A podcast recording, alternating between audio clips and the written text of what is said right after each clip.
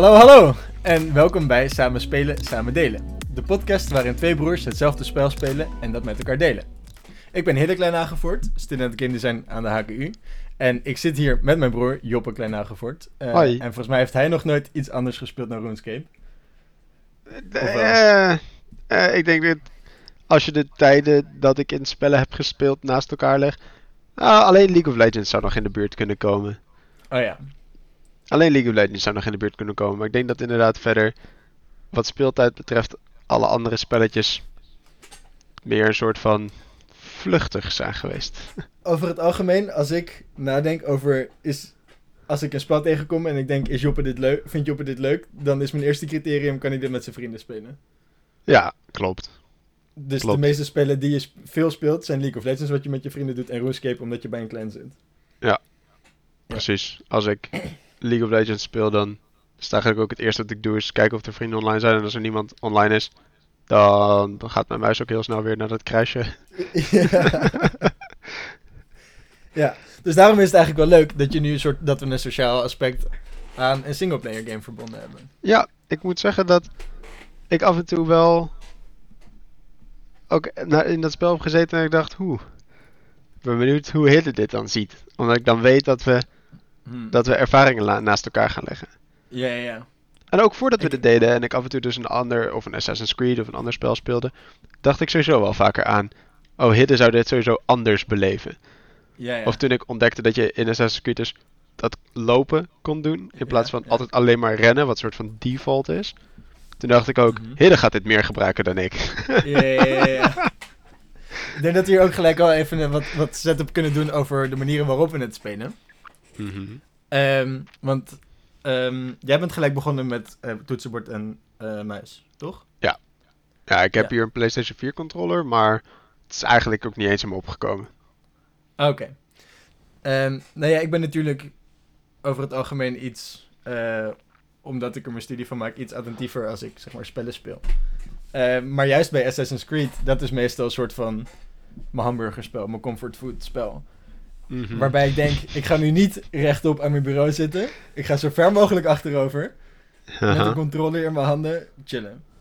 Oh, ja. Ehm, dus zo was ik ook in eerste instantie dit spel ingegaan. En op een gegeven moment was ik zo gefrustreerd met hoe langzaam en ongemakkelijk alle controls voelden.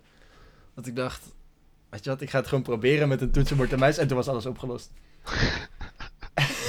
Oké. Dus dat was heel erg prettig. Want wat je dus bijvoorbeeld zegt, dat langzaam lopen, dat kan natuurlijk op een controller wel. Maar dan moet je die, dat stikje heel erg langzaam ingedrukt houden. Dus dat is helemaal niet relaxed. En op het toetsenbord kan je gewoon op een knopje drukken. En dan kan je zo hard op die toetsen rammen als je wil. En dan loopt hij gewoon lekker langzaam. Ja, ik heb ook die toggle aangezet. Ja, ja, ja. Ja. Maar dat hoe vaak gebruik je dat? Ehm hangt er een beetje vanaf. Eigenlijk alleen in een soort stadssetting of zo, waar ik dan doorheen loop en ik het awkward vind om te rennen. Ja, ja, ja. Maar dat is ook wel logisch, want stadssettingen zijn natuurlijk, hebben veel meer bochten waar je omheen moet Mhm. manoeuvreren, wat kut is als je daar Ja. tegenaan rent. Ja, en wat, je, wat in deze Assassin's Creed wel meer naar voren komt dan in andere, is dat soort van de, de, de loot en zo, die je in, in steden kan vinden, van die kleine gouden puntjes. Ja. Daar zit vaak nog wel een soortement van puzzel slash zoekachtig aspect aan. Klopt, klopt. En dus het is niet alleen maar van punt naar punt rennen, zeg maar. Het is niet zo'n zo'n soort stiptekening, maar ja. Ja, Maar je moet ja echt je moet bij de puntjes zelf ook nog een beetje nadenken. Ja, je moet er wel echt nog een beetje bij stilstaan van, hmm, hoe ga ik in deze kelder komen waar een kist zit die ik open wil maken voor spullen? Ja. Dat is een En- interessant punt, daar wil ik zo meteen nog eventjes op terugkomen. Want er zijn wel interessante vergelijkingen te maken met andere open world games. Hm. Ik wil eerst even zeggen dat, eh, wat spoilers betreft, wij gewoon met z'n tweeën lekker gaan praten over onze ervaringen. Oh ja, Eh, dus mensen die hier naar luisteren. Hoi mam. ja, als je die- minder dan 9 uur hebt gespeeld, dan denk ik dat je spoilers vindt. Ja. Maar daar gaan we ons dus geen zorgen over maken. We gaan gewoon lekker met elkaar praten over onze ervaringen. Eh, Ja. Dus daar ben je in ieder geval voor gewaarschuwd. Ehm, verder, eh, onze achtergrond met dus ervaring met Assassin's Creed games. Of in meer algemeen met open world games. Je hebt eerder een Assassin's Creed spel gespeeld? Ja, oeh, welke? Ik heb sowieso Black Flag. Eh, Oké. had ik. Heb ik hier ook gedownload. Ik kan heel veel snel kijken naar de stats die ik daarover kan vinden. Heb ik daar stats van? Nou, ik kan ondertussen wel vertellen dat ik het al... Dat ik bijna alle spellen in de hoofdserie wel gespeeld heb. Oké. toen, ik net, op- toen ik net op de middelbare zat, was Brotherhood net uit. En die had ik toen voor Sinterklaas gevraagd. En daar was ik helemaal super onder de indruk van... Wow, je kan over de daken rennen en zo. Oh, Helemaal super cool. Eh, en toen ben ik dus soort van teruggegaan en heb ik de eerste Assassin's Creed uit 2007 gespeeld en zo de serie afgelopen. Mhm. Eh, dus ik heb wat dat betreft de hele, de hele evolutie van het, eh van het rotding meegekregen. Ik noem het rotdingen, maar het, ja. Dat is Eh, een beetje je bent gegaan van- mee. Rot dingen, of van, van comfort food naar rot dingen. Ja, nou ja, er is een reden waarom ik ze als comfort food en niet als, eh, zeg maar, echt interessante spellen speel. Ja, ik denk dat ik bij Brotherhood wel heel even aangehaakt heb. Maar dat was meer omdat vrienden van mij het speelden. Oh ja. Assassin's Creed 3 heb ik nog een keer ook gespeeld. Wel kort. Black Flag was denk ik de eerste die ik echt zelf ook gewoon gekocht, uitgebreid gespeeld. Oké. Dat is- Black Flag is ook wel een aparte in de serie, want heel veel mensen vinden die de leukste. Eh, en dat is ook vaak omdat het degene is die het minst op de andere Assassin's Creed spellen lijkt. Ah ja. Want Assassin's Creed werd in het begin heel erg gedomineerd door het stedelijke eh, omgeving en de verticale klim dingen die je moest Mhm. doen. En ehm drie had het, was je natuurlijk in Amerika. eh, Ja, maar dat is ook redelijk veel- open world. En ze En- waren allemaal redelijk open world. Best wel grote, grote, grote Mhm. gebieden, maar grote stedelijke, stedelijke open worlds wel. Dus 3 was een van de eerdere die dat een beetje losliet. En 4 vloog helemaal van de rails af. Dan kon je lekker in je boot rondvaren. En er waren überhaupt nauwelijks steden. En je was heel erg veel andere Ja. dingen aan het doen. Ehm, en die heeft dus ook heel veel mensen nog soort van eh, weten te trekken. Die eigenlijk niet zo erg geïnteresseerd waren in de rest van de spellen. En dat doen de nieuwste spellen nu eigenlijk ook best wel. Ja, want ik bedoel, nou heb ik dus wel maar een redelijk beperkte. Welke heb ik nou nog meer gespeeld? Nee, Unity. Daar, nee, Unity heb ik misschien van alles nog wel het meest gespeeld. Ik was nog op zoek naar diegene die zich in Parijs afspeelde. Dat is Unity inderdaad. Maar die lijkt dus wel weer wat meer op de eerdere. Ja, en ik moet zeggen dat ik die, die vond ik ook best wel leuk. Oké. Ik vind dat... Waar ik in Hitman bijvoorbeeld niet zo heel goed in was, wat ik ook sporadisch gespeeld heb, Ja. was dat eh, ik het wel ontzettend leuk vind om dat soort van sneaky aspect erin te, te brengen. Oh, maar dat vond je leuk aan Assassin's Creed? Ja, ik vond het leuk om te kijken welke, hoe ik een, een kamp of een setting of iets in kon komen. ehm, met of helemaal gewoon een soort open combat te vermijden. Ja. Of het in ieder geval zo lang mogelijk uit te stellen. Gewoon. Ja, ja. Dus ik hoefde niet per se er helemaal stealth en onopgemerkt doorheen te komen. Ik vond het prima als er Maar doden vielen. mogelijk. Als het Ja, maar was ja. zonder dat ik gespot werd. ja, ja, ja. Nou ja, ik vind Assassin's Creed als stealth game over het algemeen redelijk frustrerend. Eh, Wat dan? Ten eerste, Unity was het eerste spel waarbij, waarbij je daadwerkelijk een knop kon indrukken om voorover te bukken. Om achter je dingen te verstoppen. Dus alle spellen daarvoor moest je heel erg voorzichtig doen. Maar stond je de hele tijd als een ontzettend stijve hark gewoon, gewoon achter een hoekje. Aha.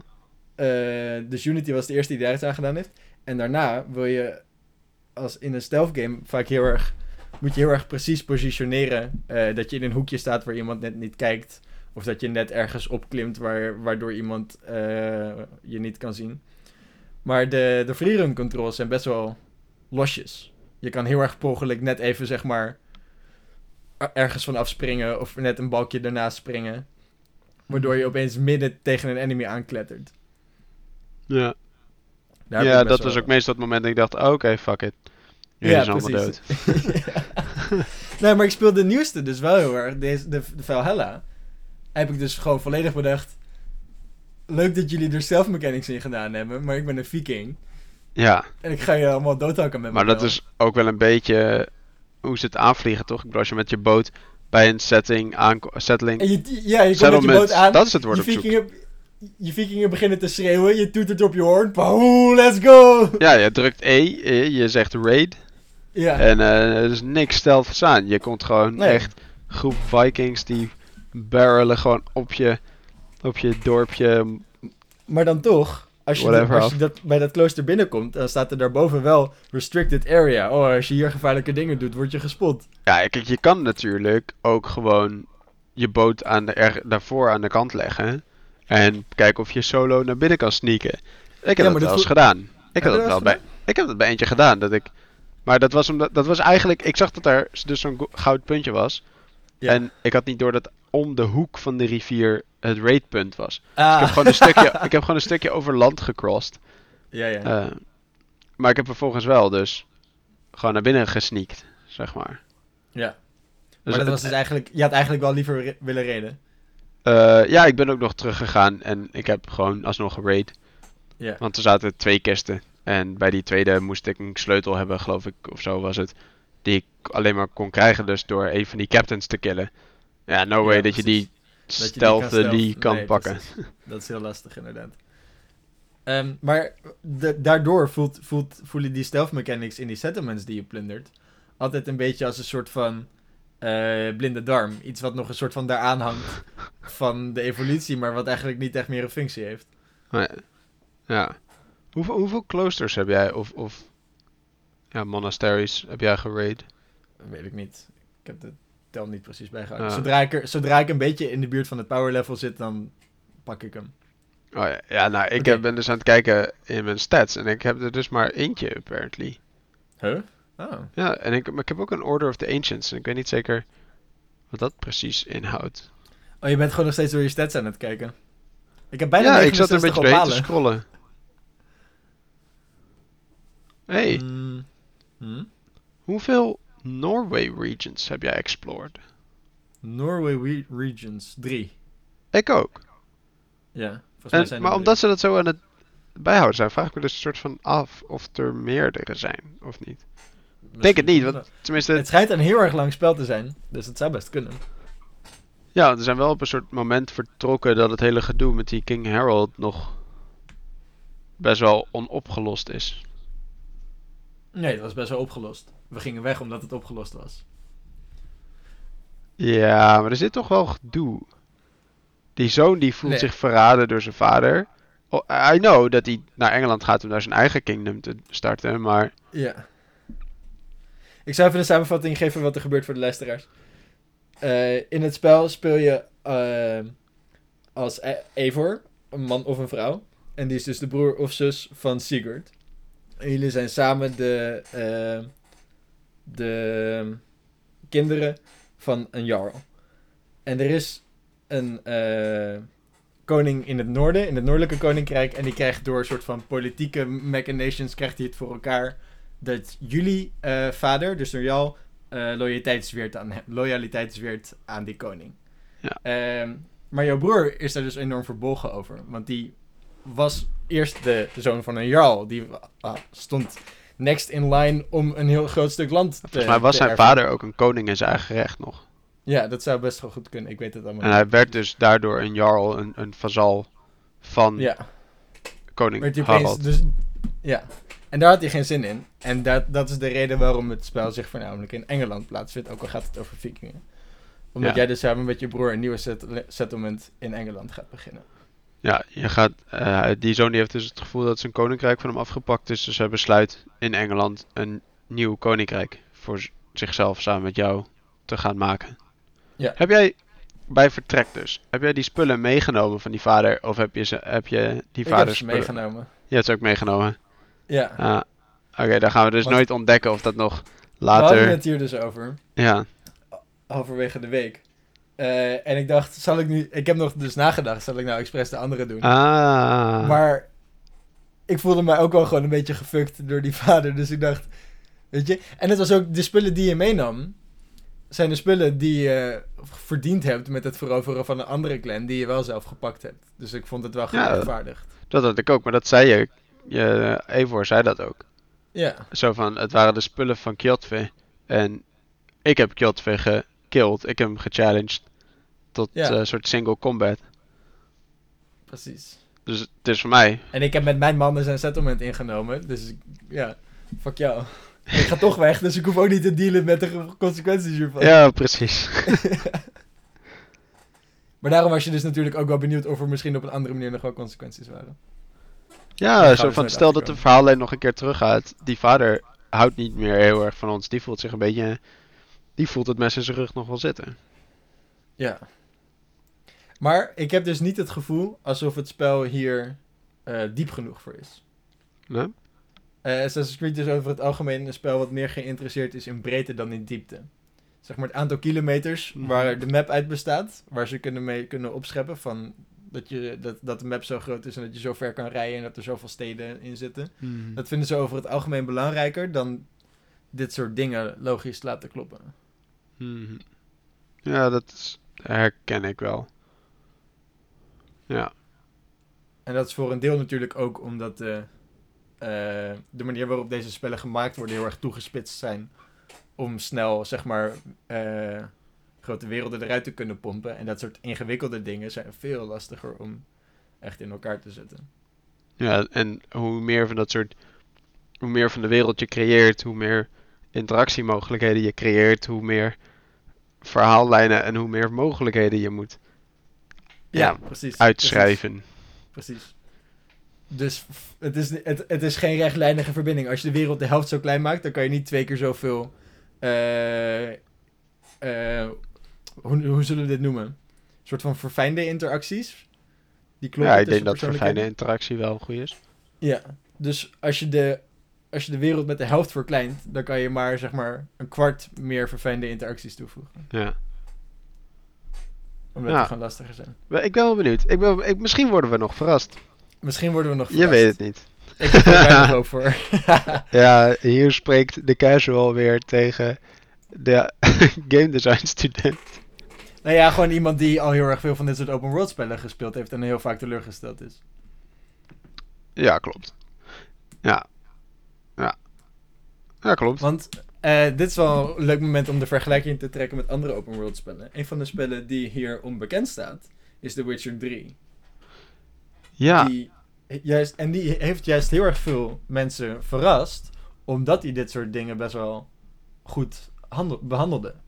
ja, Als je een quest kreeg waarvoor je het item wat je moest halen al gehaald had, dan was er een speciaal voice lijntje wat er afspeelde waarbij er zei: Oh, bedoel je dit ding? Oh, dat heb ik al gehaald, hier alsjeblieft. En dat hij Eh. alleen dan verbaasd reageert. In plaats van dat je Eh, gewoon dat- de quest gaat doen en dan terugkomt en dan dezelfde. Ja. dat doet, eh, even sidetracked, dat doet Ja. RuneScape dus ook heel goed. Oké, Er is zijn- Joppes, Joppes RuneScape Ja. Ja, ja, ja. Hier komt hij even adverteren. Maar je hebt, eh, er is een, een, een, een best wel een beginner quest. Ja. En als je daarvoor alle spullen al bij je hebt voordat je de quest gestart hebt, omdat je dan gewoon een soort van in twee keer praten met dezelfde NPC alles, dat je gewoon de quest hebt afgerond. Oh ja, ja, ik weet waar je het over hebt. Ja, je hebt eh, die. Nee, je hebt een paar quests waar ze zo'n soort eh gesprekslines dingen eh, Ja. voor hebben gemaakt. Maar dit is er eentje dat een of andere tovenaar is, is vier magische stenen kwijt en hij weet niet zo goed hoe het komt. En omdat jij het spel of vaak hebt gespeeld of je hebt een guide gezien of iets ergens, weet je dat je ze of kan kopen van andere spelers of van de monsters kan krijgen die ze hebben gestolen met een zoveel, één in zoveel Dus zodra je naar hem toe komt, heb je al meteen de beats die je nodig hebt. Ja, waardoor hij in eerste instantie denkt dat jij ze hebt gestolen. Ja, maar dat, dit, hier is het ook, ook wel heel belangrijk dat RuneScape categorisch een ander spel is. oh ja. RuneScape zijn ze al vanaf 2003 aan het maken. En Het is ook een open world. Dat is waar. Eh, maar ze hebben iets langer de tijd, is best wel een grote factor. En daarnaast eh, is alles, eh, alle, gewoon alles in tekstballonnetjes geschreven. Als je in Ja. Assassin's Creed ergens een extra voice lijntje in wil doen, moet je niet alleen maar het programmeren doen. Je moet ook je, je stemacteur extra uren betalen om al die extra voice lines op te nemen. Right, fair En je enough. moet het anim- animatiesysteem waarbij je mensen praten, moet je robuuster maken om dat te kunnen implementeren. Mhm. Eh, dus daarom is het daar lastiger. Maar daar is The Witcher dus erg onbekend geworden. En je kan heel erg duidelijk wel de invloed zien die The Witcher gehad heeft op dit spel. En eh, de invloed die je nog meer kan zien is van Skyrim. Heb je Skyrim Oh. gespeeld? Nee, ik heb aan Skyrim nog een, de herinnering dat toen wij net een PlayStation hadden, Ja. dat we echt pumped as fuck waren om Skyrim te gaan spelen. Ja, ik heb het ook echt mokerhard gespeeld. Ja, maar het zat zo. We kwamen in zo'n soort vreemde opstart loop. Hij deed het niet. We waren al meteen door de map heen geglitcht. En we kwamen daar niet meer uit. Echt waar? Ja, dit is, eh, dit is best wel lang geleden, dit. Dit is zeker lang geleden. En dat is ook wel Skyrim een is soort... ook een uitspel. Ja. nou, dit is de eerste keer dat ik ooit in een positie kwam, al, eh, best wel als kind ook nog, om Skyrim te gaan spelen. En ik moet zeggen dat ik daar toen een soort van afgehaakt ben. Ik had iets van, oké, fuck it. Ah, ja. Het zit niet in de sterren of zo voor mij. Ja, ja. ik mag dit niet spelen, I guess. Volgens mij had ik nog een keer ergens een kapotte kopie gekocht op Marktplaats of zo. I En don't toen know. heb ik nog een tweede moeten kopen. Maar goed, ik heb het dus uiteindelijk wel heel veel gespeeld. Mhm. En dat kompasje, wat bovenaan je scherm zit in Ja. Assassin's Creed, Ja. dat is echt direct gewoon ge- gecopy-paste uit Skyrim. Is het dan dezelfde studio of zo? Of hoe werkt het? Nee, zeker niet. ik heb Ehm, geen idee. Hè. Ik bedoel, ik heb verdiep me hier zelden in. Het enige wat ik hierover weet is dat als ik dingen toevallig tegenkom, omdat ik bijvoorbeeld iets opzoek op een wiki over een acteur of zo die erin zit, en Ja. dan staat daar ook de welke studio het gemaakt heeft. Of Ja, ik kom het tegen door een Reddit-discussie of iets. Het is bij mij allemaal toeval. Ik weet hier vrij weinig van. Ehm, nee, is- ehm, Assassin's Creed is gemaakt door Ubisoft. Mhm. Eh, Ubisoft Montreal meestal. Ubisoft is een hele grote uitgever met meerdere studio's die bij Ubisoft horen. Ja, ik zag ook al Ubisoft Quebec en zo. Precies. En dit, dat is ook de reden waarom ze elk jaar zo'n gigantisch spel uit kunnen brengen.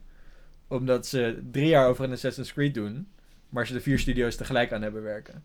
Ja. zeg maar roteren en dan zeg maar eh, staggered releases elk jaar een spel uit kunnen brengen. Ehm, ondertussen is Skyrim uitgebracht door Bethesda. Bethesda is Mhm. ook dus eh, Oh, studio die Fallout eh, gemaakt heeft. ja. De de meest recente Fallout games.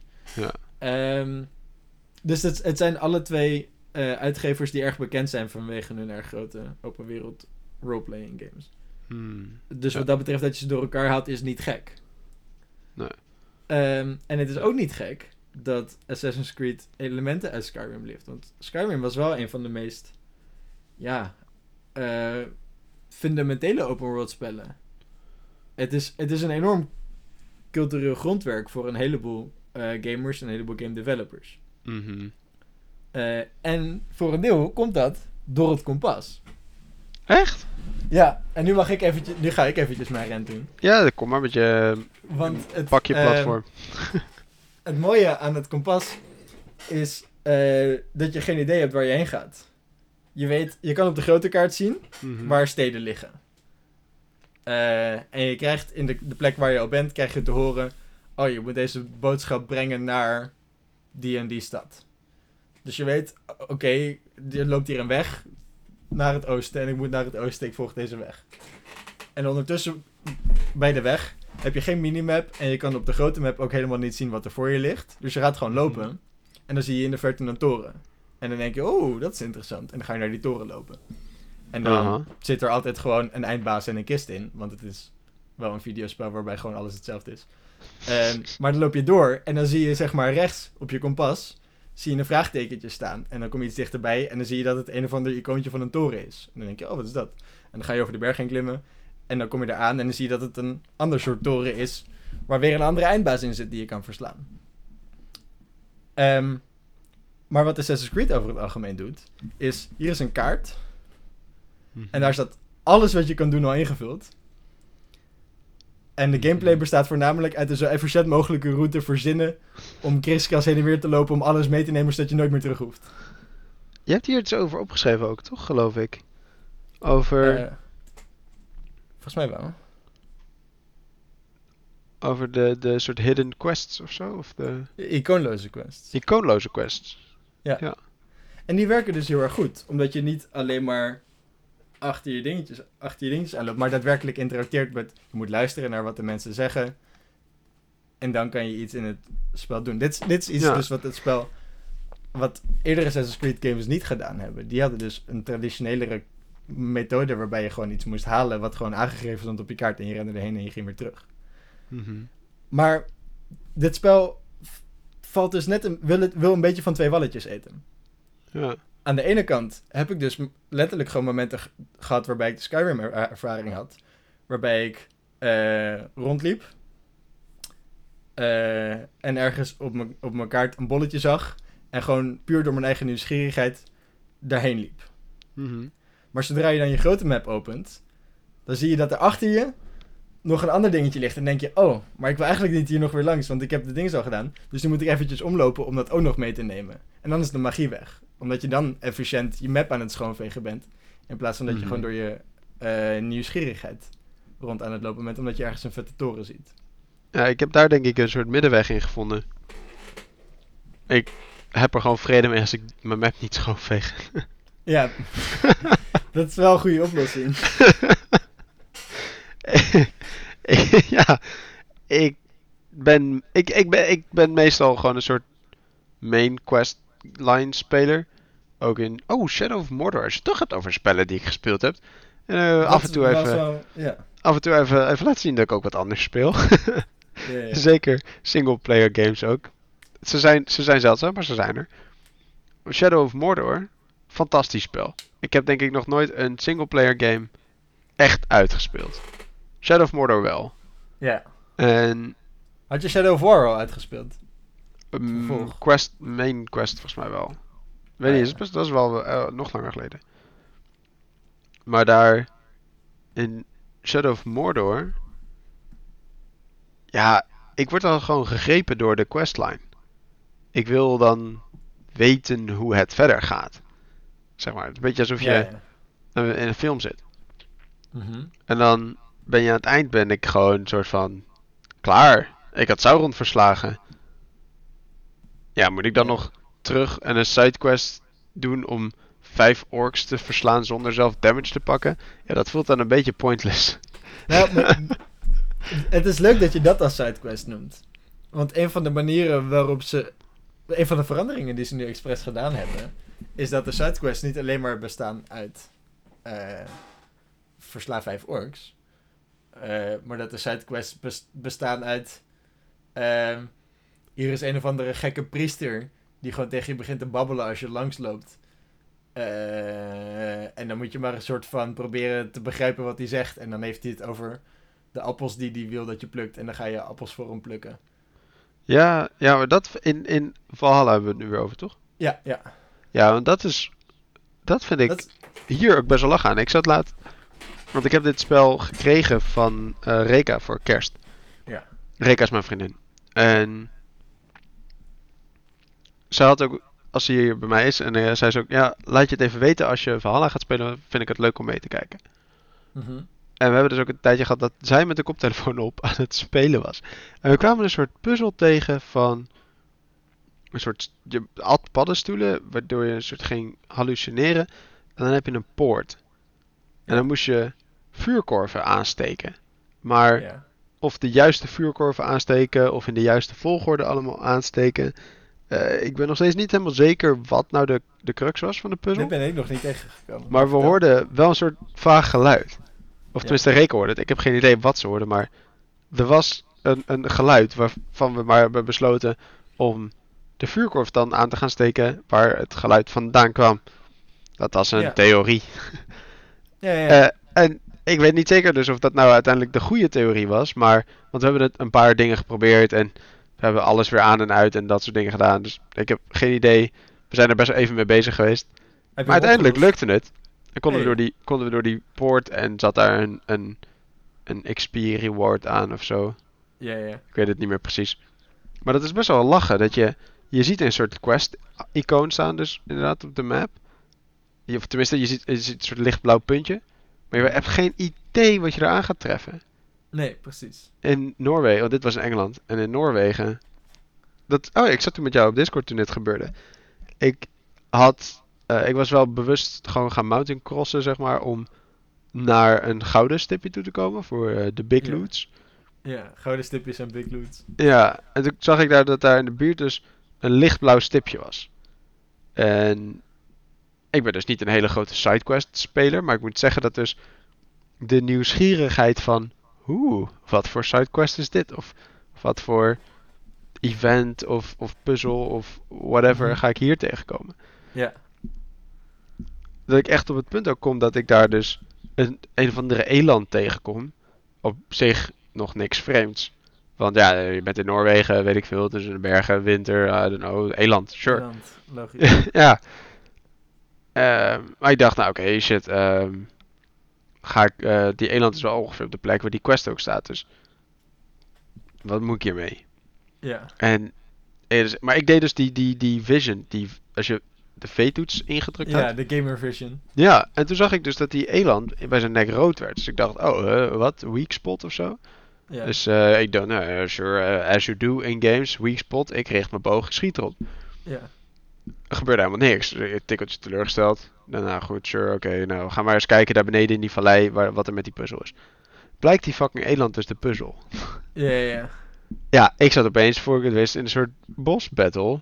Die pittiger was dan een paar van de soort main quest battles die ik had gedaan tot, dat, tot op dat punt. Maar dan ben ik nu wel benieuwd. Als ik dat meemaak, dan denk ik...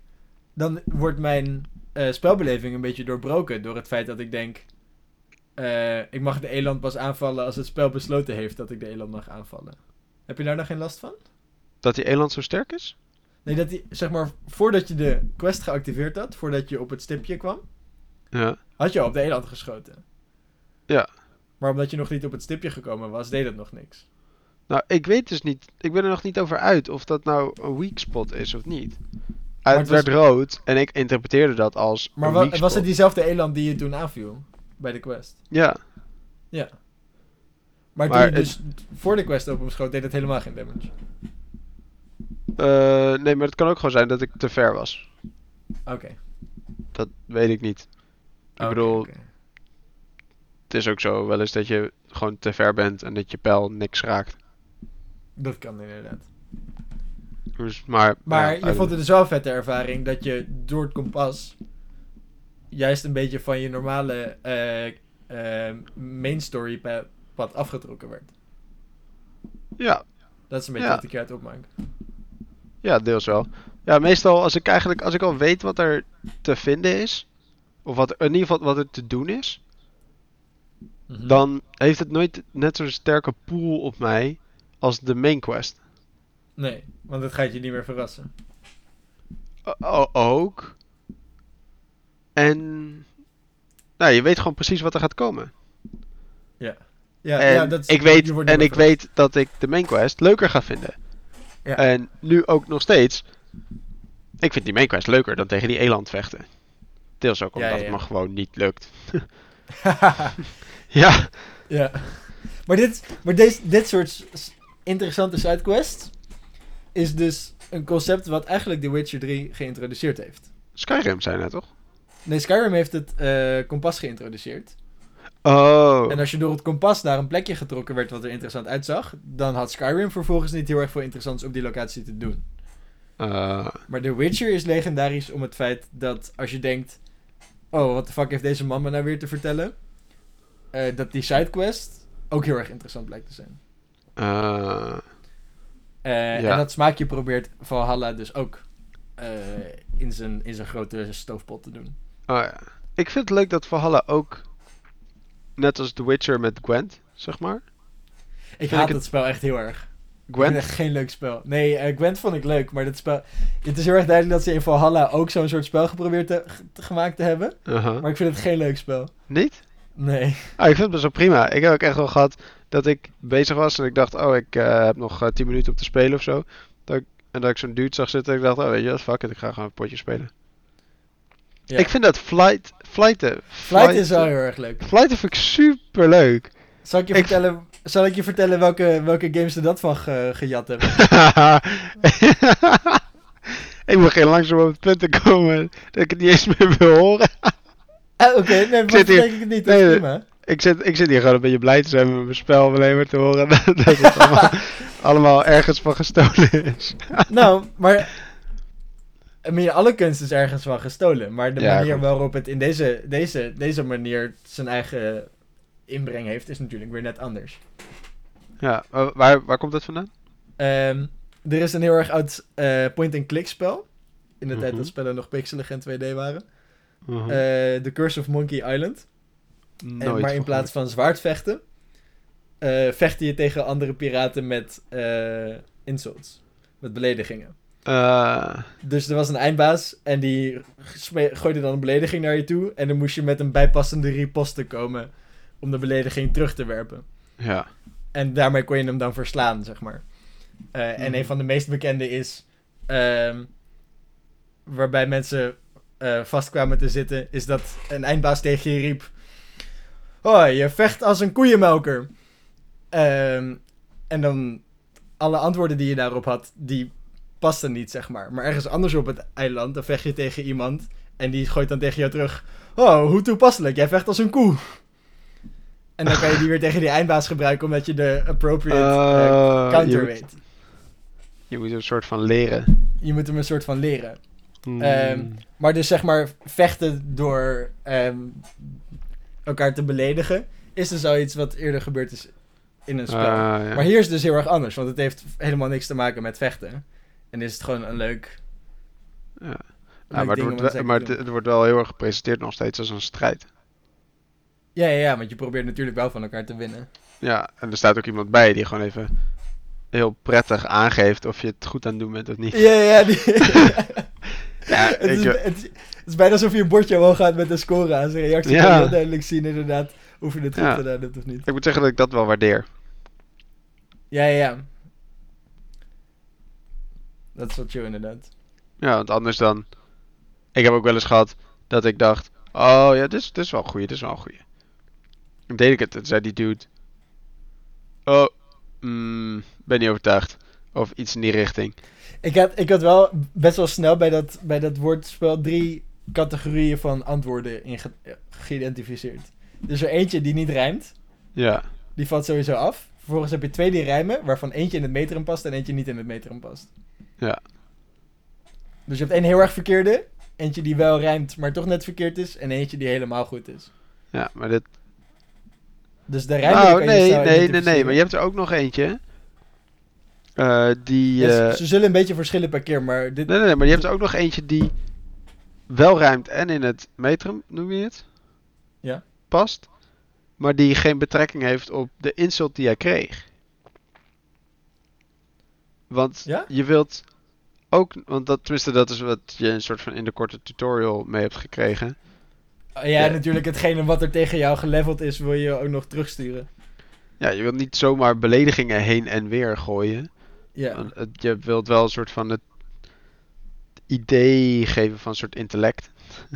Ja, ja, ja. In de, nou ja, idee. Het is, het is Dus niet leuk. alleen maar dat je gewoon een belediging teruggooit, maar dat Nee, je Het is wel een toepasselijke soort, belediging terugdraait. Precies. Je hebt wel nagedacht over wat je aan het zeggen bent.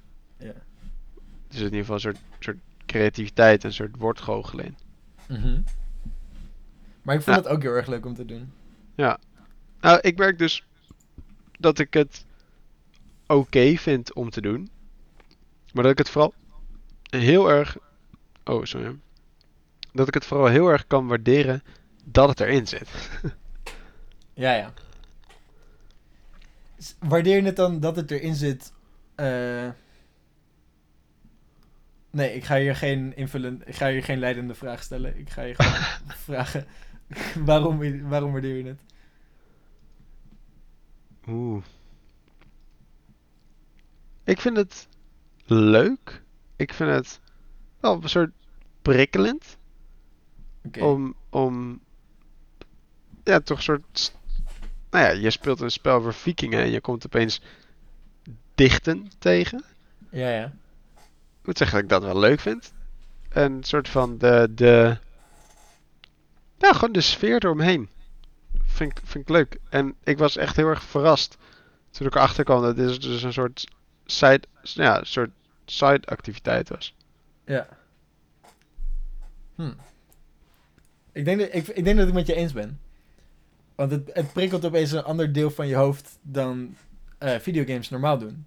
Ja, Want als je combat aan het spelen bent, dan ben je heel erg instinctief bezig. Je ziet iemand aankomen en je moet gewoon direct nadenken welke knop moet ik indrukken. Mhm. En nu moet je opeens kijken naar rijm en kijken naar inhoud en metrum. ja. En dan dat, dat moet je op een hele andere manier nadenken. En dat is leuk dat dat, dat ook geprikkeld wordt. Ja, en ik kan het dus ook heel erg, merk ik wel, waarderen dat ze niet soort van, wat ik me voor kan stellen als een soort aanlokkelijke route hebben gekozen bij een spel over vikingen. En soort van gewoon raiding, pillaging, dat allemaal super centraal stellen. Het is nog steeds best wel centraal. Ja, ja, wel, maar niet alsof dat alles is wat er is. Ja, Dat is wat meer wat ik bedoel. ja, ja. ja. Het schijnt zelfs, ik had hier nog een andere podcast over geluisterd, waarin een historisch expert eh, een beetje uitweidt over ehm, de manieren waarop de vikingen eigenlijk nog minder bloeddorstig waren dan dat ze afgebeeld zijn. En dat dat er voor een groot deel komt omdat eh, de vikingen waren natuurlijk aanvallend tegenover de Saksen. De Mhm. Saksen waren de, bewoners van Engeland op dat moment. En ehm, de vikingen schreven weinig op. Om, zeg maar, waar, waar we nu nog Mhm. bronnen uit kunnen halen. En de Saksen schreven wel dingen op. Dus heel veel eh, bronnen die we hebben over de vikingen... zijn geschreven door hun slachtoffers. Ja, Dus die zijn natuurlijk een soort van eh, extra... verhaal. Ja, precies. Eh, dus de vikingen waren ook waren erg vaak eh, handelaars. En nou ja, meer of minder vredige settlers in Engeland. Ehm, maar erg veel dingen, e- erg veel geschiedenisdocumenten waarin ze beschreven zijn, zijn dus voornamelijk beschrijvingen van, van hun bloeddorst. Wat niet per se het hele, het hele plaatje was. Dus het is, erg, het is juist beter dat het spel het, eh, dat, dat uitlicht. Mhm. Ja, dat kan ik er dus ook wel, wel heel erg aan waarderen. Ik wou nog één dingetje eh, toevoegen aan het verhaal over eh, ehm, het op ontdekkingstocht gaan. Mhm. Dus het gevoel van in plaats van een kaart leegvegen van icoontjes, tegenover het Skyrim gevoel van iets aan de horizon zien en daarheen willen lopen. Mhm. Ehm, ze hebben dus het Skyrim kompas direct meegenomen. Maar daarmee de implicatie van, we willen dat je op onderzoek uitgaat. En niet per se alleen maar op je kaart kijkt waar, je, waar, waar de meeste icoontjes liggen. Maar dat je Mhm. gewoon in de wereld bent en dan direct kan zien, hé, hey, daar is iets, daar ga ik heen. Maar wat ze ondertussen wel doen, is als je iets in de verte ziet, je ziet een toren of je ziet een bolletje en je wil erheen lopen, dan is dat opeens wel een gebied wat 80 levels hoger is dan jij en waar je nog niks kan doen. Dus ze zeggen, wow, kijk eens hoe vet dit eruit ziet, maar mag er niet heen, want dan ga je dood. Maar dat is ergens toch ook juist wel weer vet. En dat geeft je wel weer het idee dat er iets is om naartoe te groeien. Want als alles de hele tijd, zeg maar, on par is. Dat klopt, maar dat hadden ze beter aan kunnen geven. Oh, zijn- dat je een soort van weet, ik hoef me hier nog niet... eh Er zijn, er zijn een heleboel spellen, open world spellen, waarbij, ook, waarbij levels ook zeg maar eh, gebieden in het spel level gated zijn, waar je pas heen kan als je level 60 bent in plaats van level 15. Ehm, maar daarbij is het heel erg duidelijk, dit is gewoon een ander gebied. Ja. Dit is pas waar je in de toekomst heen moet. Ehm, en dat doet dit spel niet. Ik was, Mhm. ik dacht, ik was net aangekomen in Engeland en ik ging mijn dorp opbouwen. Dus ik dacht, oké, dorp opbouwen, let's go. Ik ga alles reden wat ik kan. ja, die fout heb ik ook verdienen. gemaakt. Ja, en dan kom je opeens bij een raid die fucking level 130 is. ja, Maar dat staat, het is niet alleen dat het niet aangeeft, pittig. dit is een hoger level ding is. Het, het, Ja, het staat op de map. letterlijk, het staat Het op de map. het staat op de map, maar je kijkt niet naar de map. Als je Ik gewoon wel. ico- ja, ik heb ook wel op de map gekeken, maar pas nadat ik dood gegaan was. Ja, oké, los, fair los van of je wel of niet op de map kijkt, is, word je aangemoedigd om te gaan reden. Maar niet op dat ene arbitraire puntje, want daar vinden wij dat het level 130 is. Nou ja, ja, ik bedoel, ik kan me ook voorstellen dat het in het echt gewoon dat sommige plekken ook beter beveiligd waren dan andere. Maar, laat, maar geef dan duidelijk visueel aan dat het beter beveiligd is. Want het heeft gewoon precies dezelfde enemy, alleen hebben ze een hoger nummer boven hun hoofd staan. Mm, nee, er zijn ook wel andere enemies, toch? Nee. En meer, van, meer sterke enemies? Nee, ze doen gewoon meer damage. Echt? Ja. Oké. Je hebt, je hebt wel die, eh die supersoldaten ridders die over de map rijden, die je af en toe tegen kan komen. Mhm. Ben je, die zealots, ben je die wel eens tegengekomen? Ja, één keer. Maar Ja. dat was terwijl ik bezig was met een andere raid. Dus ik ah, oké. dacht toen eigenlijk dat ze gewoon bij de raid hoorden. Nee, het zijn, het zijn een soort van... ehm, ze, ze horen bij een soort van de Assassin's Creed verhaallijn. Die verder weinig met de vikingen te maken heeft. Maar dit zijn zeg maar de, de, de sterke templars. die. Oh, daarom heb ik één zo'n ehm, Order of the Ancients completed. Omdat je zo'n guide uitgemaakt hebt. Ja, Ah, dat kan wel. ik denk dat dat het is. Want ik, had, want ik heb dat gebouw ook nog niet gebouwd in mijn settlement. Dus ik was wel verbaasd om nu in mijn Oh. statistieken... Ja, ik was er, want die, ik heb als het goed is die missions nog niet unlocked. En het was ook geen icoon of iets dergelijks. Ja, ja.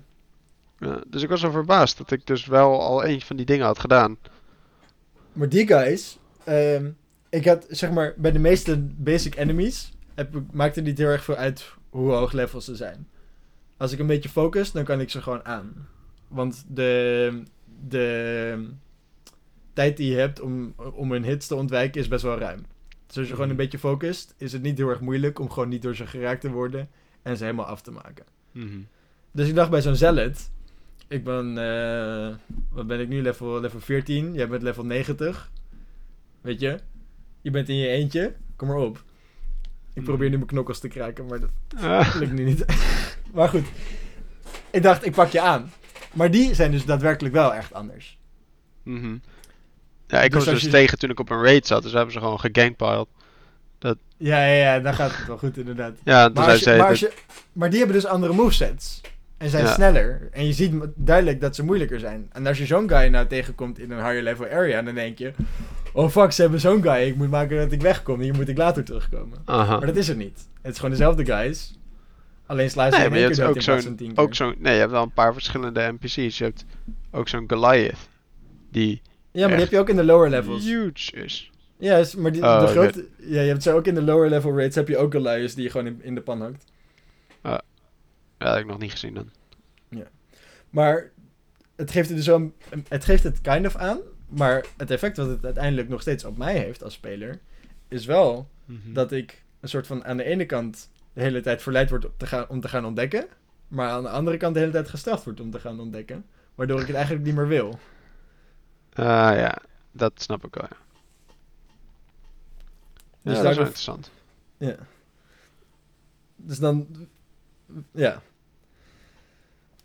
Ehm, Ah. Ik had nog een kleine op opmerking over het muziek. Muziek is wel grappig, want eh, Jasper Kidd is, een, ehm, is juist van de hele oude eh, Assassin's Creed spellen al componist geweest. Mhm. Ze hebben ondertussen een boel andere componisten gehad, maar deze guy is dus nu weer terug. Dat vind ik leuk. Ehm, en blijkbaar is een van de componisten die ze als expert ingehuurd hebben, is ook iemand die de muziek voor Vikings, zeg maar, voor de, voor de tv-serie Ah, geholpen heeft. ja, om, eh, waar ik groot fan van ben. Ja, precies. dus misschien vind je, ik dacht misschien vind je dat wel leuk om te horen. Eh, degene die daar bij, bij de muziek daarvan gezorgd heeft dat het zeg maar authentiek is, heeft hier ook aan- de soundtrack meegewerkt. Ah, En eh, als je het menu opstart, is het hoofdthemaatje wat je hoort is hetzelfde als eh, de vorige twee Assassin's Creed spellen. Dat vond ik ook wel een leuke touch. Dat ze dat nog Ah. een soort van... dat ga ik nog even uitzoeken. Daar ga ik nog, of Ja. tenminste terugzoeken en dus naar luisteren. Ook al is het dus een andere componist. In plaats van dat de componist dacht... Oh, ik, ga nu, ik ben nu weer op dit project en ik ga lekker mijn eigen hoofdmenu muziek schrijven. Heeft hij gewoon een soort van die identiteit behouden. Ja, Dat vond ik wel vet. Ehm, maar dan zijn we volgens mij wel door onze punten heen. En dan kunnen we afsluiten. Dus Ja. eh, tot zover het delen van deze week. Eh, wij gaan weer verder met spelen. Zodat we volgende week weer kunnen delen. Eh, de muziek die je hoort is gemaakt door Forsure. Eh, als je daarover meer wilt weten, zijn zijn tracks te vinden op soundcloud.com slash iamforsure. En tot volgende week. Tot volgende week.